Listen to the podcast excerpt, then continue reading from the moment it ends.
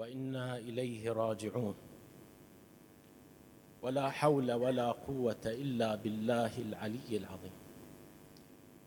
يا رسول الله يا فاطمة يا أمير المؤمنين المرتضى عظم الله لك الأجر.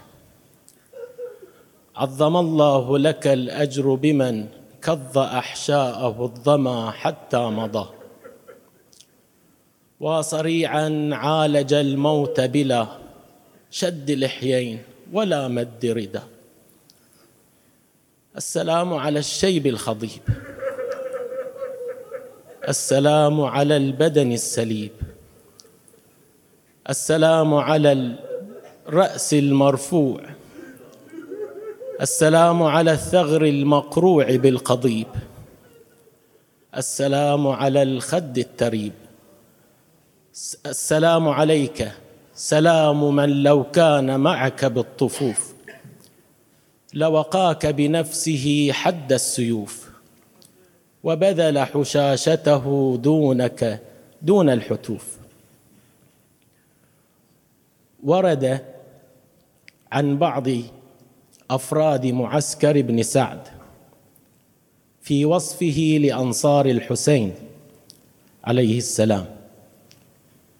عندما رآهم يبارزون ذلك الجيش الظالم الضال فأوقعوا فيهم القتلى فقال يا حمقى من تقاتلون؟ إنهم فرسان المصر وقوم مستميتون. الكلام في الاستماتة. ما المقصود بأن, أصحاب الحسين يستميتون. يستميتون بمعنى أنهم يطلبون الموت كما هو قدوتهم سيد الشهداء حيث قال لا أرى الموت إلا سعادة. فما المقصود من طلب الموت؟ وهل كل إنسان لا بد أن يطلب الموت؟ ومن طلب الموت أيضا لم يكن كما طلبه أصحاب الحسين عليه السلام. في البداية أصل الموت والحياة. نحن لا نعرف شيئا لا عن الحياة حقيقتها ولا عن الموت. أما الموت فلا يعرفه إلا من عاينه إلا من ذاق طعم الموت غصة بعد غصة. وأما الحياة إذا كانت الحياة ترتبط بالروح والروح من أمر ربي. إذا نحن لا نفقه حقيقة الحياة وإنما نعلم من الحياة ما يرتبط بها يعني نعلم آثار الحياة. أن الإنسان الحي يتنفس أن الإنسان الحي يأكل أن الإنسان الحي ينام وهكذا. آثار فقط. وإلا حقيقة الحياة لا يمكن الوصول إليها ما دامت ترتبط بالروح. اذا الذي يطلب الموت وهو لا يعرفه الذي يطلب الموت على أصناف. بعض البشر عندما تنال منه المصائب يتمنى الموت حتى يرتاح من هالمصائب. هكذا يظن. لو كان يعلم ما بعد الموت هل يظن وهل يتمنى الموت؟ سمع أحد المعصومين أحد الأشخاص يتمنى الموت فقال له لا تطلبن الموت أو لا تتمنى الموت إلا بركن وثيق. بعض الأشخاص لا يتمنى الموت ومن حقه. السيدة زينب لما قالت لسيد الشهداء في ليلة عاشوراء هل استخبرت أحوال أصحابك؟ قال نعم. ماذا رأيتهم؟ يقول رأيتهم يستأنسون بالمنية دوني استيناس الطفل بمحالب أمه. وأمير المؤمنين له من قبيل هذا الكلام. متى يستبشر الإنسان بالموت؟ عندنا ثلاث أمور. إما أن نقف عليها فنستبشر وإما لا لا نقف عليها. حتى في الصلاة كلها ترتبط بالقرب من الله. عندنا المعرفة والحب والإخلاص. كل واحدة منهما تترتب على السابقة.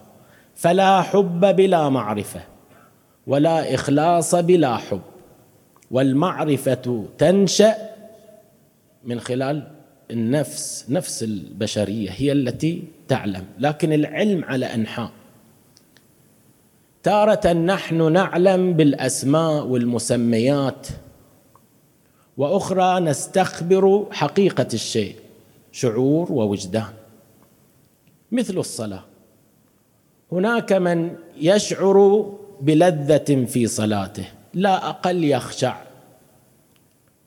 وبعض آخر ليس كذلك. منشأ الخشية في الصلاة ومنشأ الخشوع في الصلاة هو استشعار صفات الله والإحساس بوجود الله الشعور بأن الله معنا. وهذا معنى الهيبة. بعض الأشخاص نطلق على الفرد المقابل لنا الذي يأتي لو كانت له منزله وجاهه أو علم نقول فلان له هيبة. الصحيح بأن الهيبة مو في الطرف الآخر وإنما الهيبة عندي أنا أنا الذي أهاب. مو هذاك هذاك مهيوب نقول والحال أنا الذي أهاب صفة لي. لكن متى توجد مثل هذه الصفة؟ إنما توجد بواسطة العلم. الأئمة عندما يقفون للصلاة في الصلاة يحبون الصلاة. الرسول الأعظم يقول صلى الله عليه وآله قرة عيني في الصلاة وإذا أذن بلال يقول أرحنا يا بلال. اسرع حتى نصلي. الحسين عليه السلام في ليلة عاشوراء أو في يوم تاسوعاء لما طلب من أخيه العباس أن يخبر القوم ويستمهلوه هذه الليلة ماذا قال؟ أريد الصلاة فإن الله يعلم. إني أحب أن أصلي له. يقول بأن الله يعلم بأنه يحب الصلاة. هذا الحب الذي نشأ في قلب الحسين. هذا الحب الذي نشأ في صدور أصحاب الحسين. إنما نشأ عن معرفة. ولذلك إحنا مطالبون بالمعرفة. الإمام الصادق يقول يقول ليت أصحابي يقول ليت أصحابي يتعلمون أو ليت السياط على رؤوس أصحابي حتى يتفقهوا أو يتعلموا لأهمية العلم. فلذلك إحنا حتى حبنا للأشياء يرتبط بالمعرفة إما معرفة مغلوطة وإما معرفة صحيحة بالنسبة إلى الدنيا. إحنا عندنا الدنيا كأنما نعرفها والحال نحن لا نعرفها. أمير المؤمنين إليه وصف دقيق للدنيا فيقول بأن ملمسها كالحي هي كالثعبان. ملمسها لين لطيف وفي جوفها السم النقيع. وصف للدنيا. هناك وصف آخر للنبي عيسى عليه السلام. يقول بأنه رأى الدنيا تمثلت له. فرآها من كل الحلي عليها كل أنواع الزينة عليها لكنها شمطاء عجوز نتنة تغر الناس بزينتها والحال بأن الناس لا ترغب فيها. الدنيا حالها كحال هذه العجوز كحال هذا الثعبان.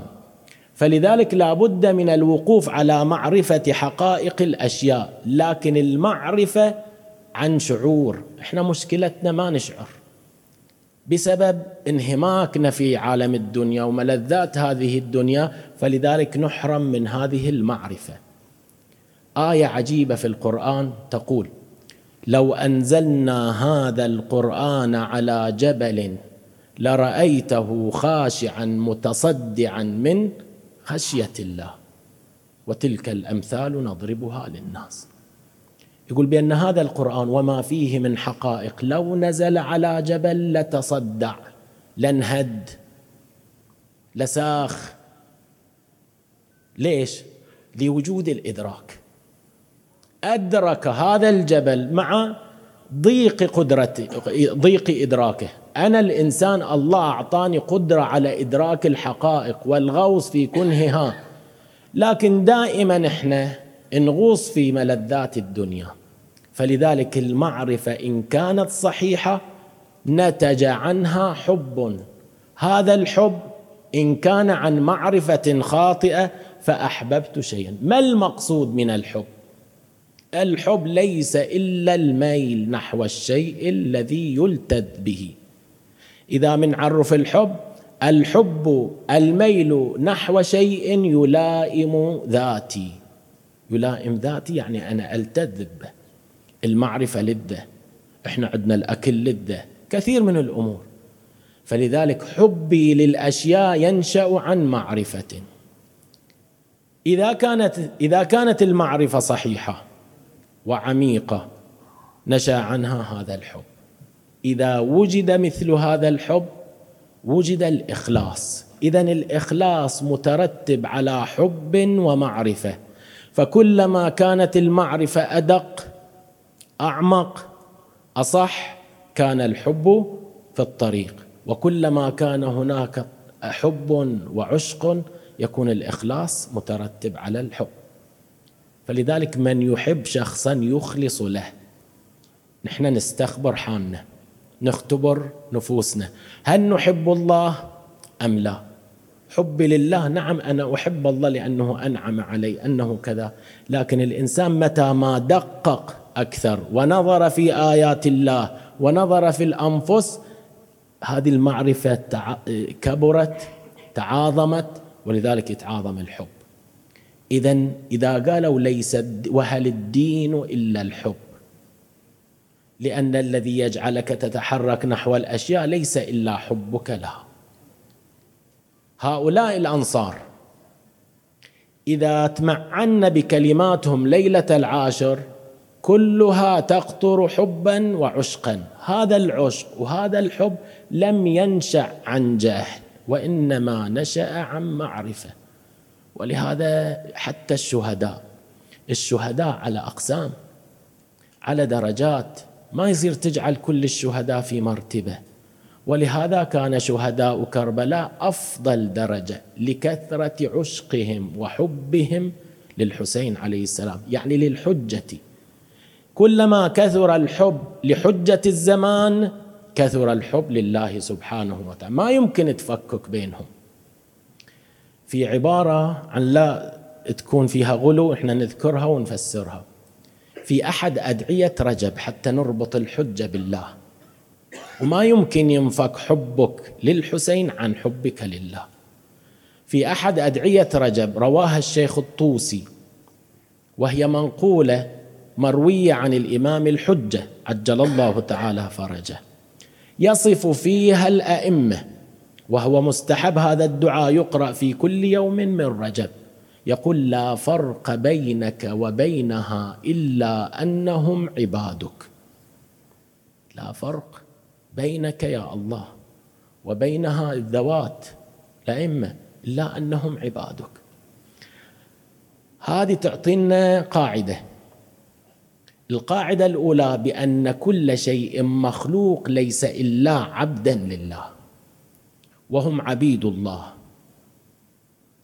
لكن لا فرق بينك وبينها. يبقى يقولون في هذا الدعاء يفسرون علمانا بأن كل ما كان من صفات الله سبحانه وتعالى كل الصفات قد تجلت في هؤلاء. هذا معنى لا فرق بينك وبينه إذا حبي للذات المقدسة للحجة لأي حجة من الحجج يعني حبك لله. فحب هؤلاء للحسين كان كذلك.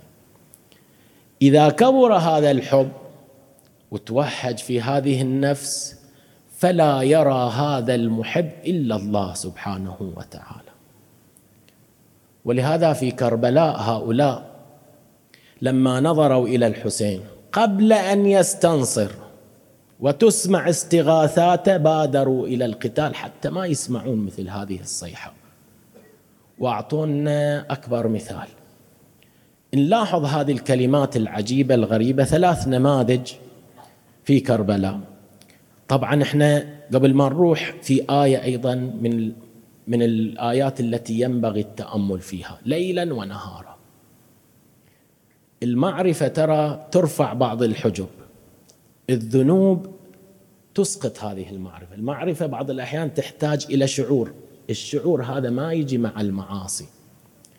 لقد كنت في غفلة عن هذا. فكشفنا عنك بص... فكشفنا عنك غطاءك فبصرك اليوم حديد. في بعض البشر في هذا العالم قد كشف لهم يعني معرفة عندهم. لكن في معرفة أخرى تحتاج من الله أن تفاض على القلب. أنا بسبب الذنب بسبب الغفلة قد وضعت الغطاء على نفسي. الآية دقيقة قالت لقد كنت في غفلة منها فكشفنا عنك غطاءك. ما قال فكشفنا عنك غطاءنا؟ الغطاء أنا الذي وضعته. فلذلك ما ما أستكشف الأشياء. فلذلك أكون أعمى في هذه الدنيا من دون بصيرة. اذا الذنب مانع من المعرفة. إحدى الآيات تتكلم عن أدوات المعرفة. لهم عيون وآذان وكذا لكن قالت العيون لا يبصرون بها. الآذان لا يسمعون بها. القلوب لا يفقهون بها. ليش؟ هذه أدوات المعرفة. يقول لأنهم كانوا غافلون. بعدين بينت الآية في ذيلها بأن هؤلاء الذين لا يستفيدون يستفيدون من هذه الأدوات هم كالأنعام بل أضل. الله أعطى الحيوان أذن وعين وقلب وأنا أعطاني. إن لم أكن مستفيدا من هذه الأدوات فما الفارق بين هذا الإنسان وهذا الحيوان؟ الحيوان مو وظيفته يتفقه مو وظيفته يكتشف الحقائق. أصلا أنا وظيفتي البشر الإنسان. فإذا أنا وضعت عني الموانع جعلت موانع هذه الموانع تمنع المعرفة تمنع من استعمال أدوات المعرفة فيما هو المراد منها. فلذلك كرامة الإنسان إنما هي بهذا الأمر. إذا ما استفاد منه فما الفارق بينه وبين في سورة الجمعة عبر عن البعض بأنه كالحمار يحمل أسفارا. ما في فرق اذا هذه آية مهمة. تكشف لنا عن حقائق الأمور. هؤلاء في الطرف الثاني لم يكت... لم يكتشف أحد منهم الواقع. يعني لا عندهم لا معرفة أو كانت المعرفة بلا حب. المعرفة خاطئة. يعني ما شعروا بالحسين ما شعروا بأنه إمام ما شعروا بكل هذا الذي نشعر به. لاحظوا كلمات الأصحاب في ليلة العاشر. تبين لنا مجموعة من الأمور. مثلا مسلم بن عوسجة. مسلم بن عوسجة لما قال لهم الحسين عليه السلام بأن القوم يطلبوني. فلو ظفروا بي يقول لما طلبوكم فاتخذوا هذا الليل جمالا. كل واحد ياخذ صاحبه ويمشي. بكى الأنصار. كلهم بكوا. لكن في كلمات صدرت منهم تنشأ عن معرفة وحب وإخلاص. مسلم بن عوسجة يقول والله لا نخلي عنك. والله لا نخليك حتى يعلم الله أن قد حفظنا غيبة رسول الله فيك. والله لو علمت أني أقتل ثم أحيا ثم أحرق ثم أحيا ثم اذرى يفعل بي ذلك سبعين مرة ما تركتك. وما فارقتك حتى ألقى حمامي دونك. وكيف لا أفعل ذلك؟ وإنما هي قتلة واحدة. زهير زهير بن القين أيضا ارتجل بهذه الكلمات فقال والله لوددت أني قتلت ثم نشرت ثم قتلت حتى أقتل. هكذا ألف مرة وأن الله تعالى يدفع بذلك القتل عن نفسك وعن أنفس هؤلاء الفتيان من أهل بيتك. حب. سعيد أحد الأنصار أيضا. هذا الشخص اسمه محمد بن بشير الحضرمي.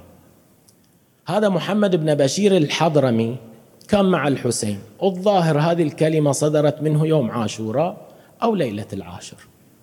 وصل له خبر وهو أن ولدك قد أسر في حدود الري. منها الطواغيت فأسر. ماذا قال؟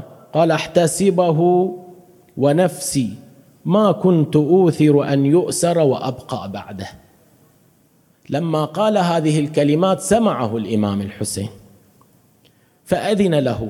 قال له أخرج وأشتغل بفكاك أسر ابنك. مباشرة لاحظوا هالكلمة. يقول مباشرة أكلتني السباع إن فارقتك. حب أكلتني السباع حيا إن فارقتك. هذه نماذج تدل على حب نشأ عن معرفة. أما الحسين الحسين عليه السلام أيضا كذلك لما صبحت الخيل به في يوم عاشوراء أول ما استقبل هذا الأمر الدعاء والمناجاة. اللهم أنت ثقتي في كل كرب ورجائي في كل شدة. ولما سقط على بوغاء كربلاء لم يترك المناجاة ابدا. كان يناجي ربه وهو مجروح وهو مطعون وهو في ذلك العراء والشمس تصهر خده. هكذا كان الإمام. ولذلك هذا الشعر مو منسوب للحسين الحسين لم يقله. لكن وصف حال الحسين مع ربه وهو في ذلك الحال. أي شعر هذا الذي ينسب إلى الصوفية؟ شعر صوفي لكن يوصف بحال الحسين. إلهي تركت الخلق طرا في هواك وأيتمت العيال لكي أراك. فلو قطعتني إربا لما مال الفؤاد إلى سواك. هذا كان حال الحسين. في صفة أخرى في الحسين اللي نسميه أبي الضيم. الحسين مع من؟ كان مع أشرف الناس مع أعظم الناس العباس والأكبر والقاسم وهؤلاء الكبار الأنصار. قتل من قتل كلهم قتلوا فبقى وحيدة. الإنسان عادة إذا قتل ولده وأصحابه وأخوانه يكون مكسور. لكن للجهة التي اتصلت مع الحسين الله سبحانه وتعالى كان شديد العزم. شديد القوى. أبي ولهذا الشيخ المفيد في الإرشاد يوصف لنا وصف دقيق. وهذا الوصف من أحد المعسكر أحد الأشخاص في المعسكر. حميد بن مسلم عند هذه العبارة يقول ما رأيت مكثورا قط. مكثور يعني تجمع الناس عليه بكثرة. يقول ما رأيت مكثورا قط. قتل ولده وأهل بيته وأصحابه أربط جأشا ولا أمضى جنانا من الحسين. أبدا. صلب. إن كانت الرجالة لتشد عليه فيشد عليها بسيفه فتنكشف عن يمينه وعن شماله. انكشاف المعزى إذا شد فيها الذئب. عزم لما رأى شمر ابن ذي الجوشن هذا الإباء وهذه العزة استدعى الفرسان. فصاروا في ظهور الرجالة يعني أن الرجال من الأمام والفرسان من الخلف وأمر الرماة أن يرموه فرشقوه بالسهام حتى صار كالقنفذ فأحجم عنه. الإمام الحجة وصف عزم الحسين في الزيارة الناحية بوصف دقيق عندما قال وبدأوك بالحرب فثبت للطعن والضرب. وطحنت جنود الفجار واقتحمت قسطل الغبار مجالدا بذي الفقار كأنك علي المختار. فلما رأوك ثابت الجأش غير خائف ولا خاش نصبوا لك. غوائل مكرهم وقاتلوك بكيدهم وشرهم وأمر اللعين جنوده.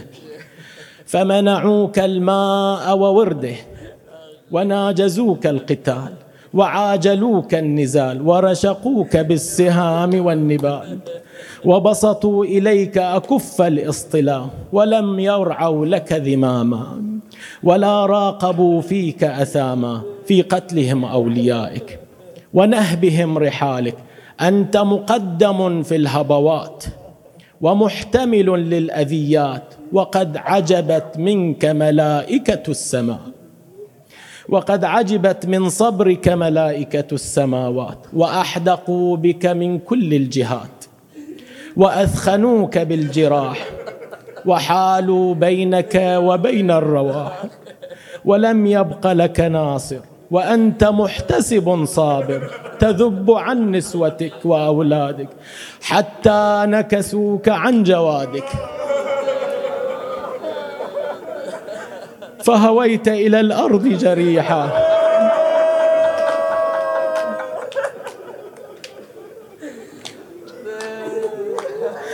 تطأك الخيول بحوافرها.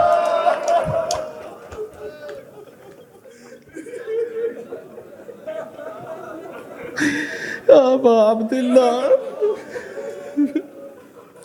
وتعلوك الطغاة ببواترها. وقد رشح للموت جبينك واختلف بالانقباض والانبساط شمالك ويمينك تدير طرفا خفيا إلى رحلك وبيتك وقد شغلت بنفسك عن ولدك وأهلك وأسرع فرسك شاردا وإلى خيامك قاصدا محمحما باكيا فلما رأينا النساء جوادك مخزيا ونظرن سرجك عليه ملويا برزنا من الخدور ناشرات الشعور على الخدود. لاطمات الوجوه سافرات وبالعويل داعيات وبعد العز مذللات وإلى مصرعك مبادرات. والشمر جالس على صدرك مولع سيفه على نحر